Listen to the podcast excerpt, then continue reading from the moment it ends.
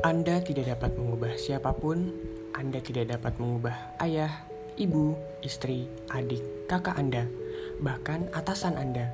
Ubahlah diri Anda sendiri pertama-tama. Titik.